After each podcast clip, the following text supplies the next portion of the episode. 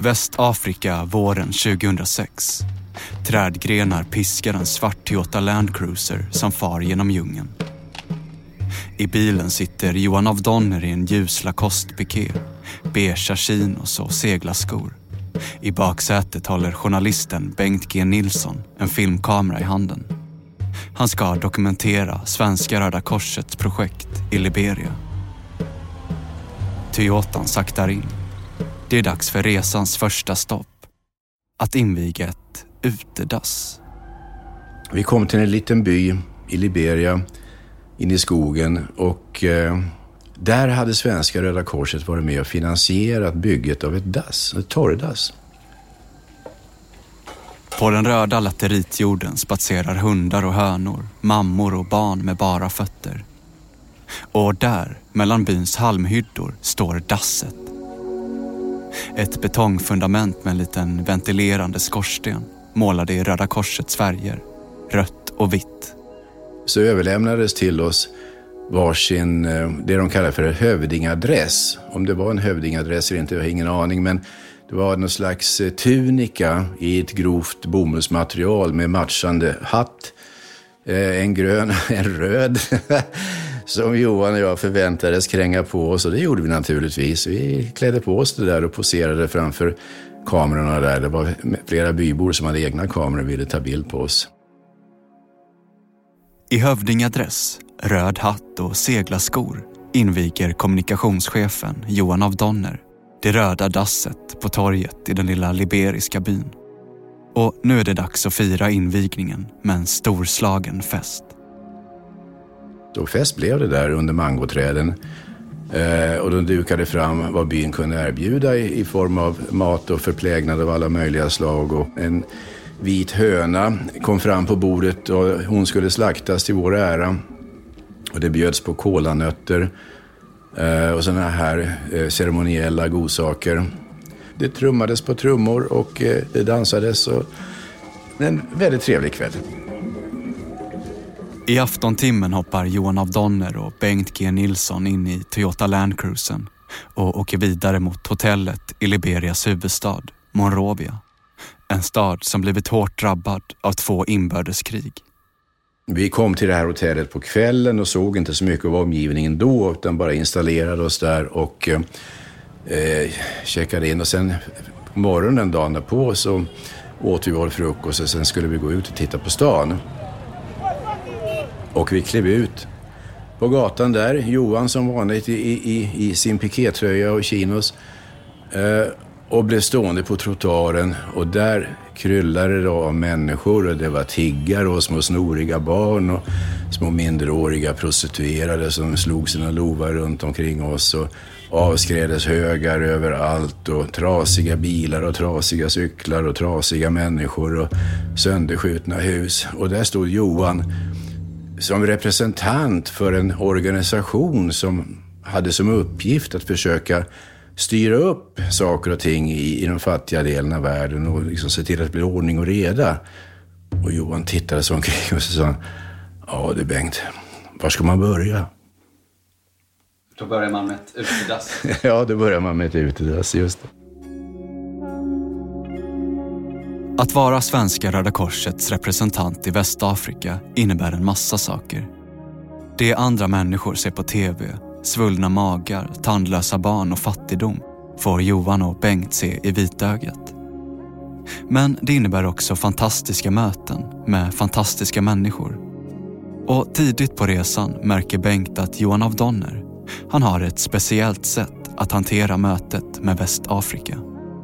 Det finns ju många människor har jag upptäckt som eh, inte kan hantera mötet med Afrika därför att det enda de ser är elände och misär och de förmår inte riktigt se skönheten i, i Afrika, vilket jag tycker är det mest eh, markanta med Afrika generellt. Skönheten.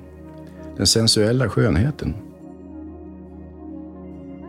Och eh, jag vet en gång vi, vi befann oss i en liten by och stod och tittade på folklivet och eh, några kvinnor kom gående på bygatan där och balanserade så vackert, hinkar med vatten på huvudet och raka som eldgafflar i ryggen och sina vackra, muskulösa kroppar gick de där och skrattade och pratade med varandra.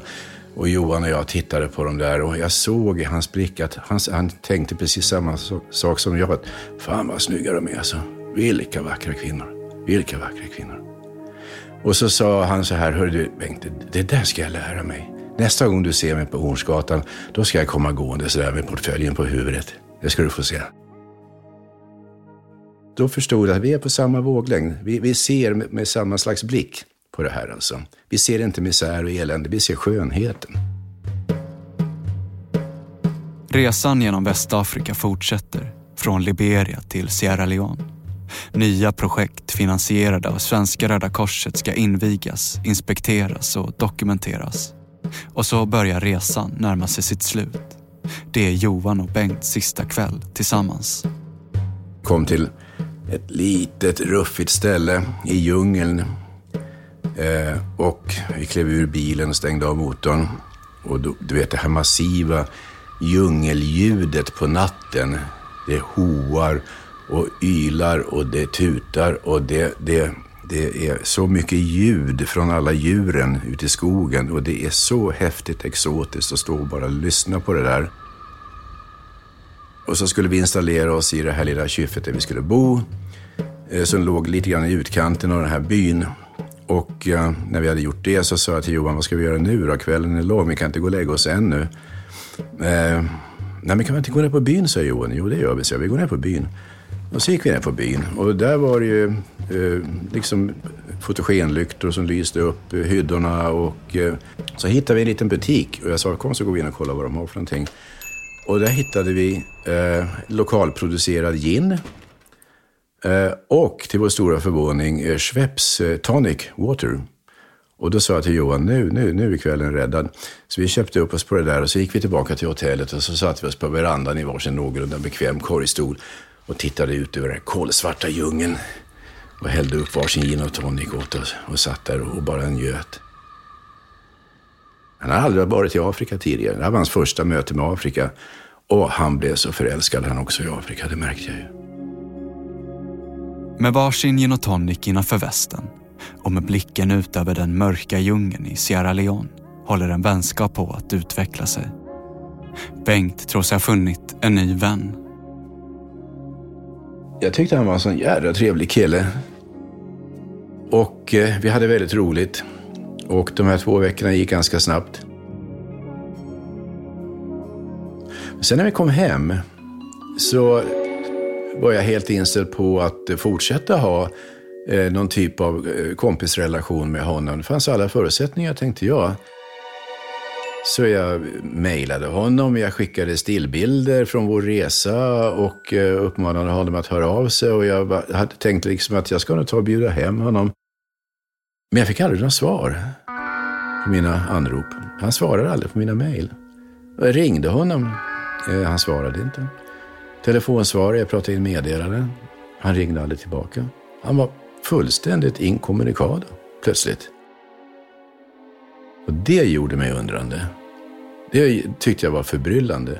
Och då var det så att jag hade en, kompis som hade jobbat på Röda Korset och som hade haft Johan som chef.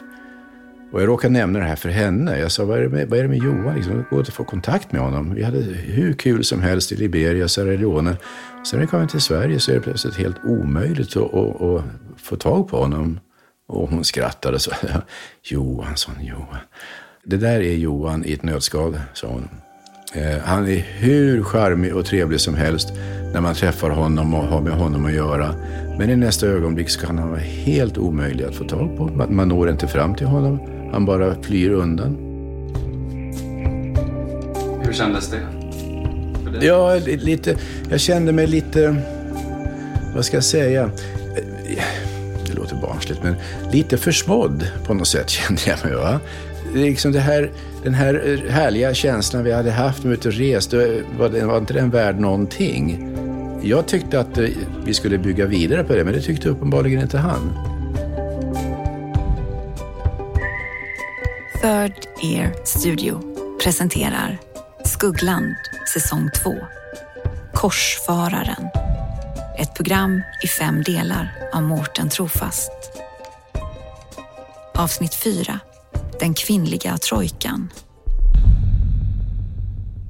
En kort grej bara. Om du gillar den här podden och inte kan vänta till nästa avsnitt kan du bli prenumerant hos oss. För 49 kronor i månaden får du full tillgång till den här podden och alla andra program som vi gör här på Third Ear Studio. Gå in på thirdearstudio.com eller läs mer i avsnittsbeskrivningen. Trevlig lyssning. Det är slutet av 2008. På Röda Korsets huvudkontor har Maria Leskinen gjort en märklig upptäckt. Hon håller en hel bunt med fakturor från tryckmedia i handen. Det är fakturor för olika tjänster som Röda Korset ska ha köpt in från just tryckmedia. Men Maria Leskinen känner inte igen de här inköpen och hon tvivlar på att tryckmedia kan utföra de tjänster som de fakturerat Röda Korset för. Och fakturornas referens är alltid samma person, nämligen Johan af Donner. Maria Leskinen misstänker att hennes egen chef håller på med skumma affärer. Att Johan af Donner bedrar Röda Korset. Men hennes information är känslig. Om den är sann kommer den få katastrofala följder för Röda Korset. Maria Leskinen funderar på att gå med sina misstankar till generalsekreterare Christer Zettergren. Men hon vågar inte. För tänk om hon har fel? Då har hon gått bakom ryggen på sin egen chef. Och vad kommer hända då? Och sen tänkte jag att, att han ska liksom inte komma undan med det här om det är så att, så, vilket det såg ut att vara, bedrägerier. Och särskilt inte när det gäller att ta pengar från de mest utsatta fattiga. Maria Leskinen funderar på hur hon ska gå vidare. Det måste finnas ett sätt. Och istället för att gå till Christer Zettergren knackar Maria på dörren till en av Röda Korsets ekonomer, Marita. Nu finns det ingen återvändo. Maria måste berätta om sina misstankar. Men svaret hon får är inte alls som hon hade tänkt sig. Hon frågade om jag hade något emot Johan av Donner. Då sa jag att nej, det har jag inte. Här skulle den här historien kunna ta slut. Här skulle Maria Leskinen kunnat få kalla fötter och lagt sin lilla privatspanarverksamhet på is. Men det gör hon inte. Maria står på sig. Hon berättar mer ingående om sina misstankar och det verkar få fäste hos Marita. I smyg lämnar Maria över de märkliga fakturorna till ekonomen Marita som lovar att hon ska kika igenom materialet. Och en dag senare kommer Marita tillbaka. Och så sa hon att hon håller med att det verkar skumt. Nu har Maria Leskinen dragit in Marita i den här märkliga privatspaningen. Och kanske är det läge att gå till Christer Zettergren nu, när de är två. Men nej, det är för tidigt känner de båda. Istället vänder sig Maria och Marita till den administrativa chefen Eva Rundgren Forsberg. Och då visade hon eh, eh, ett antal leverantörsfakturer från, från tryckmedia eh, som hon sa att hon, hon tyckte såg så, så konstiga ut. Hon hade pratat med dem, med Maria Leskinen som jobbar på kommunikationsavdelningen. Och vi gick igenom de här fakturorna tillsammans och hon lyfte vad hon tyckte liksom såg så konstigt ut. Dels så var det väldigt generella beskrivningar, liksom marknadsaktiviteter, strategiarbete. Och på kommunikationsavdelningen så kände man inte till inköpet av de här fakturorna. Eh, så det var också ganska, ganska märkligt. Eh, och en del av fakturorna hänvisade till kampanjer då som hade skett för, eh, för ett par år sedan, vilket också såg konstigt ut. Så det var flera signaler där som gjorde att jag reagerade och tyckte det, det var, var märkligt. Eva Rundgren Forsberg inser allvaret i misstankarna och nu tar hon ett helt eget beslut utan att prata med någon av de högre cheferna. Eva inleder en utredning, en hemlig utredning. Tillsammans ska Eva, Maria och Marita fortsätta att undersöka Johan av Donners relation med tryckmedia. Men det är viktigt att ingen annan får veta vad som pågår. Risken att det här läcker ut till Johan av Donner måste minimeras. Och så bad jag dem att, att vi håller inom vår grupp också så att det inte sprider sig eh, någon annanstans. Nu är det locket på här liksom. Maria Leskinen igen. Vi fick eh, boka mötesrum och vi var livrädda att Johan av Donner skulle titta in där för det var lite såna glasfönster på vissa mötesrum ut mot korridoren. Så vi hade andra papper överst liksom och så. Den kvinnliga trojkan träffas i hemlighet. När de bokar möten skickar de mejl med påhittade ämnesrader. Och fakturorna från tryckmedia döljer de med papper och pärmar. Allt för att inte Johan af Donner eller någon annan på huvudkontoret ska fatta misstanke. Eva ber Maria och Marita att gå igenom alla fakturor från tryckmedia två år bakåt i tiden. Och strax före jul ses trion igen. Eva Rundgren Forsberg drar för gardinen till mötesrummet. Det såg ju inte bra ut. Det var ju min första liksom, reflektion när jag hade tittat på den här rapporten när vi gick två år tillbaka. Så jag hade ju en känsla av att det här är verkligen inte, inte bra. Och då började jag tänka på olika scenarier. Liksom ett scenario som jag tänkte det var att antingen så har vi en kommunikationschef som, som köper in en hel del tjänster som, som han får ta del av men inte övriga organisationen och då, då är det ju tokigt. Liksom. Det var ganska mycket pengar. Eh, eller så är det att det är någonting annat som är mycket värre, att det är någon form av oegentligheter och då är det ju ett mycket värre problem. Och om det är det, då, då är det ju många risker i det, hur vi ska hantera det. Eh, hur man ska ta det vidare, risken för att de som lyfter, att de råkar illa ut och så vidare. Eh, så det blir väldigt stort det här. Eva Rundgren Forsberg är rädd för vad som kommer hända med henne, Maria och Marita om de går vidare med sina misstankar till cheferna. Hon är rädd för att det är de som kommer förlora sina jobb och inte Johan av Donner. Det var så många frågor, det var precis strax innan jul också. Eh, så jag sa till Marita och Maria att eh, jag vill fundera över, över julen, hur vi tar det här vidare. Eh, jag behöver lite tid att reflektera. Julen 2008 blir en orolig högtid för Eva Rundgren Forsberg. En massa frågor far genom huvudet. Hon läser olika rapporter om visselblåsare som det gått illa för. Hon funderar på vad det här skulle innebära för Röda Korset om det visar sig att kommunikationschefen svindlar organisationen på pengar. Det skulle inte bara skada Röda Korsets förtroende utan skaka hela insamlingsbranschen.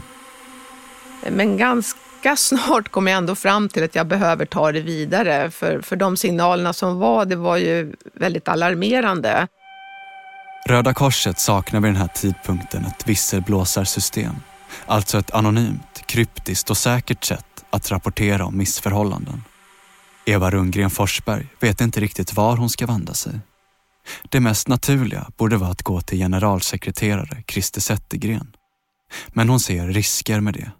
Det jag var orolig för det var att man, man eh, skulle gå till Johan och lägga korten på bordet och, och, att han skulle släta över och säga att det här behöver vi inte reda ut och, och ha någon, någon bra övergripande förklaring och att man skulle köpa det och, och, och inte reda ut det mer. Det är februari 2009. Röda Korset har chefsmöte ute på Gripsholms slott i Mariefred. Christer Zettergren är där, Johan av Donner likaså. Biträdande generalsekreterare Ulrika Årehed Kågström är också på plats. Och så Eva Rundgren Forsberg. Hon känner sig lite nervös. För i sin handväska bär hon på de märkliga fakturorna från tryckmedia. I nästan två månader har hon funderat på nästa steg och nu har hon bestämt sig. I pausen så, så gick jag fram och pratade med Ulrika och sa att, att jag ville gärna prata med henne under lunchen för, för jag var, var lite orolig för, för eh, att vi hade någon form av oegentligheter, att jag hade upptäckt det. Eh, och då sa hon, ja men absolut, vi, vi, vi tar det på, på lunchen. Eva begär ett enskilt samtal med biträdande generalsekreterare Ulrika Årehed Kågström. Och så slår klockan 12 på Kursgården i Mariefred. Det är dags för lunch. Vi eh, gick upp på övervåningen. Det var sådana här konferensrum där vi kunde vara för oss själva då. Och då hade jag med mig vår, vår rapport som vi hade eh, tagit fram. Eh, och jag kommer ihåg fortfarande att jag, jag var väldigt tagen utav, av situationen. Jag kommer ihåg att jag darrade nästan lite på rösten då när jag skulle berätta för Ulrika. Eva berättar att hon misstänker att kommunikationschefen Johan af Donner har skumma affärer med tryckmedia. Och så drar hon fram fakturorna ur sin handväska. Hon gjorde direkt samma slutsats som jag, att det här ser inte bra ut. Några dagar senare, i ett mötesrum på huvudkontoret sitter Maria Leskinen och lyssnar på Johan af Donner som berättar om konferensen på Gripsholm. Då nämnde han på ett avdelningsmöte att de hade haft någon där, någon extern person som hade haft dem att göra någon slags rollspel, jag vet inte i vilket syfte. Och, och att Johan hade fått beröm för att han var så bra på att spela teater. Och när jag hörde det här så kände jag att nu föll en pusselbit på plats. Liksom. Och då står han och säger inför avdelningen, ja jag fick faktiskt beröm för att jag var så bra på och så skrattade han liksom. Han var ganska så här medryckande. Och då tänkte jag liksom, ja han har spelat teater här för alla. Det där samtalet på konferensen mellan Eva och biträdande generalsekreterare Ulrika resulterar i att Eva får i uppdrag att fortsätta den hemliga utredningen bakom ryggen på Johan af Donner. Hon ska nu gå igenom Johans affärer med tryckmedia fyra år bakåt i tiden. Eva vänder sig till finanschefen på Röda Korset. Hon berättar inte varför, men säger att hon vill ha en grundlig genomgång av tryckmedia. Han tyckte det var ett väldigt bra initiativ, eh, men han sa att det var ganska mycket på bordet just nu, så han sa att vi, vi, vi presenterar resultatet av det här mot slutet av sommaren. Slutet av sommaren, det är ju flera månader bort. Så länge kan inte Eva vänta jag bedömde att det här är viktigt att komma igång med för, för nu kände Maria och Marika till det och jag var orolig för att det skulle sippra ut till, till flera medarbetare så att det var viktigt att, att, att komma igång. Men ryktet om Johan af Donners skumma affärer med tryckmedia har redan börjat sprida sig på kommunikationsavdelningen. Sen var det en annan medarbetare på kommunikationsavdelningen som också var det här på spåren och hade börjat undersöka den här leverantören och tyckte att det såg märkligt ut. Och eh, hon valde att också då komma till mig och, och lyfta sina, sina farhågor. Plötsligt kommer ytterligare en medarbetare på kommunikationsavdelningen fram till Eva. Petra Lindskog har själv börjat titta på Johan av Donners affärer med tryckmedia. Och den som planterat misstanken är än en gång Cirka Gustafsson. Då förstod jag ju att, att nu börjar det bli bråttom. Eva berättar för biträdande generalsekreterare Ulrika Årehed Kågström att fler har börjat misstänka Johan av Donner. Då var Ulrikas slutsats direkt att, att um, nu kan vi inte invänta den här interna utredningen utan nu är det fler och fler som börjar tycka att det här ser konstigt ut så nu måste vi informera Christer. Den 26 mars 2009 informeras till slut generalsekreterare Christer Zettergren om misstankarna mot Johan av Donner. Men Christer kommer inte att konfrontera Johan. Han känner att de måste ha mer på fötterna. Vi fick ett uppdrag Röda Korset och eh, det fanns ju då en misstanke om att eh, någonting på Röda Korset inte stod rätt till och att eh, det skulle vara en person som hade låtit skicka in och godkänna fakturor som inte hörde till Röda Korset. Och vem var det? Det var Johan av Donner. Det här är Per Storbacka. En man som alltid bär kostym och som har en perfekt mittbena. Vid den här tiden jobbar han på PricewaterhouseCoopers Forensic-avdelning. I slutet av mars 2009 får han uppdraget att inleda en internrevision mot kommunikationschefen Johan af Donner. En utredning som döps till Projekt Saturnus. Det fanns ju starka misstankar hos vissa medarbetare. Det fanns inget tydligt belägg som eh, i varje fall hela organisationen kände att Nej, men det, här, det här räcker för att vi ska gå och polisanmäla Johan. Det är där sådana aktörer som vi som gör den här typen av forensikutredningar kommer in. Det här är så nära man kan komma en polisutredning utan att involvera riktiga poliser. Per Storbacka ska kartlägga Johan af Donners privatliv och hans affärer med tryckmedia. Till sin hjälp får han bland annat Eva, Maria och Maritas digra material. Fakturorna från tryckmedia fyra år bakåt i tiden. Det är mycket att gå igenom. Det fanns eh, en hel del oklarheter kring de här fakturorna. Ofta så väcks det ju misstankar från vår sida när det är allt för ospecificerade fakturor eller det är svårt att förstå vad det verkligen är. Fakturorna från tryckmedia är kryptiska. Det är svårt att förstå vad det är för tjänster som Röda Korset egentligen har köpt och vem som har attesterat fakturorna, alltså godkänt dem. Johan hade lite problem att hitta personer som skulle då attestera och godkänna de här. Eh, det är också en sån här varningsklocka. Det vill säga att man inte går den naturliga normala vägen för att få, få de här godkända. Så det fanns en hel del eh, frågetecken. Per Storbacka genomför flera förhör med anställda på kommunikationsavdelningen. Bland annat med Cirka Gustavsson och Eva Rundgren Forsberg. Det fanns flera personer som i varje fall tyckte att någonting var väldigt, väldigt fel med de kostnader som Johan belastade Röda Korset med. Och ganska snart kommer Per Storbacka fram till att det är något som inte stämmer med Johan af Donners affärer med tryckmedia. Det här är blufffakturor. Det här är fake. Johan af Donner är fortfarande lyckligt ovetandes att en internutredning pågår bakom hans rygg. Han har ingen aning om att flera av hans medarbetare har misstankar mot honom. Istället lever Johan af Donner på som vanligt. Han firar att den omfattande renoveringen av paradvåningen äntligen är klar med att bjuda in sina närmsta vänner på cocktailparty. Men snart ska hela Johan af Donners tillvaro vändas upp och ner. Och allt han byggt upp kommer att rasera. Vänner kommer vända honom ryggen. Ingen kommer längre vilja ta med Johan af Donner att göra. Och allting börjar här. På eftermiddagen den 11 maj 2009. Generalsekreterare Christer Zettergren har kallat Johan till ett möte. Johan visste inte om vad det här mötet skulle handla om. Utan det var uppsatt som ett annat möte med Christer. Stockholm är försommarvarmt. Gatorna är heta och längs Hornsgatan börjar uteserveringarna att fyllas.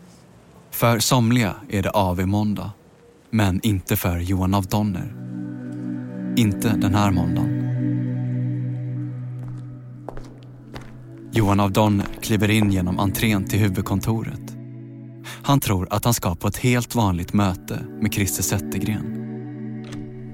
Johan öppnar dörren till mötesrummet högst upp i Mariahuset. Och där sitter förvisso Christer, men också en annan person. Per Storbacka, som leder Forensikutredningen Projekt Saturnus. Plötsligt reser sig Christer Zettergren upp och lämnar rummet. Kvar är Johan af Donner, ensam med forensikutredaren. Jag lägger fram det som att eh, vi har fått ett uppdrag och, och, och det utför vi. Ehm, det enda vi är ute efter, det är ju sanningen.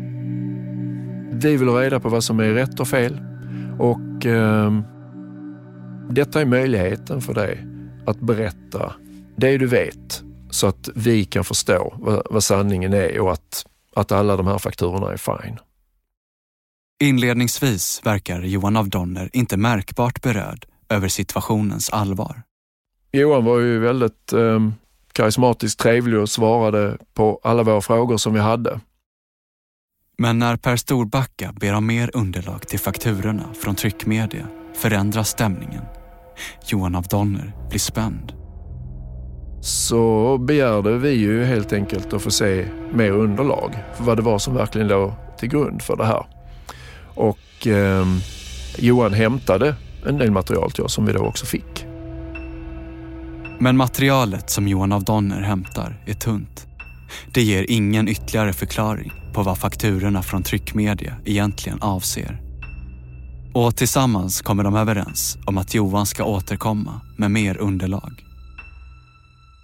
Känslan när vi avslutade mötet med Johan var att det här står inte rätt till. Vi fick alldeles för tunt material. Och det materialet som vi efterfrågade, där var ju vår känsla att det skulle bli väldigt svårt för Johan att, att presentera det. Om en vecka, måndagen den 18 maj 2009, ska Johan av Donner få en ny chans. Ett nytt datum bokas och då ska Johan ha med sig det kompletterande materialet. Men Johan av Donner kommer inte dyka upp.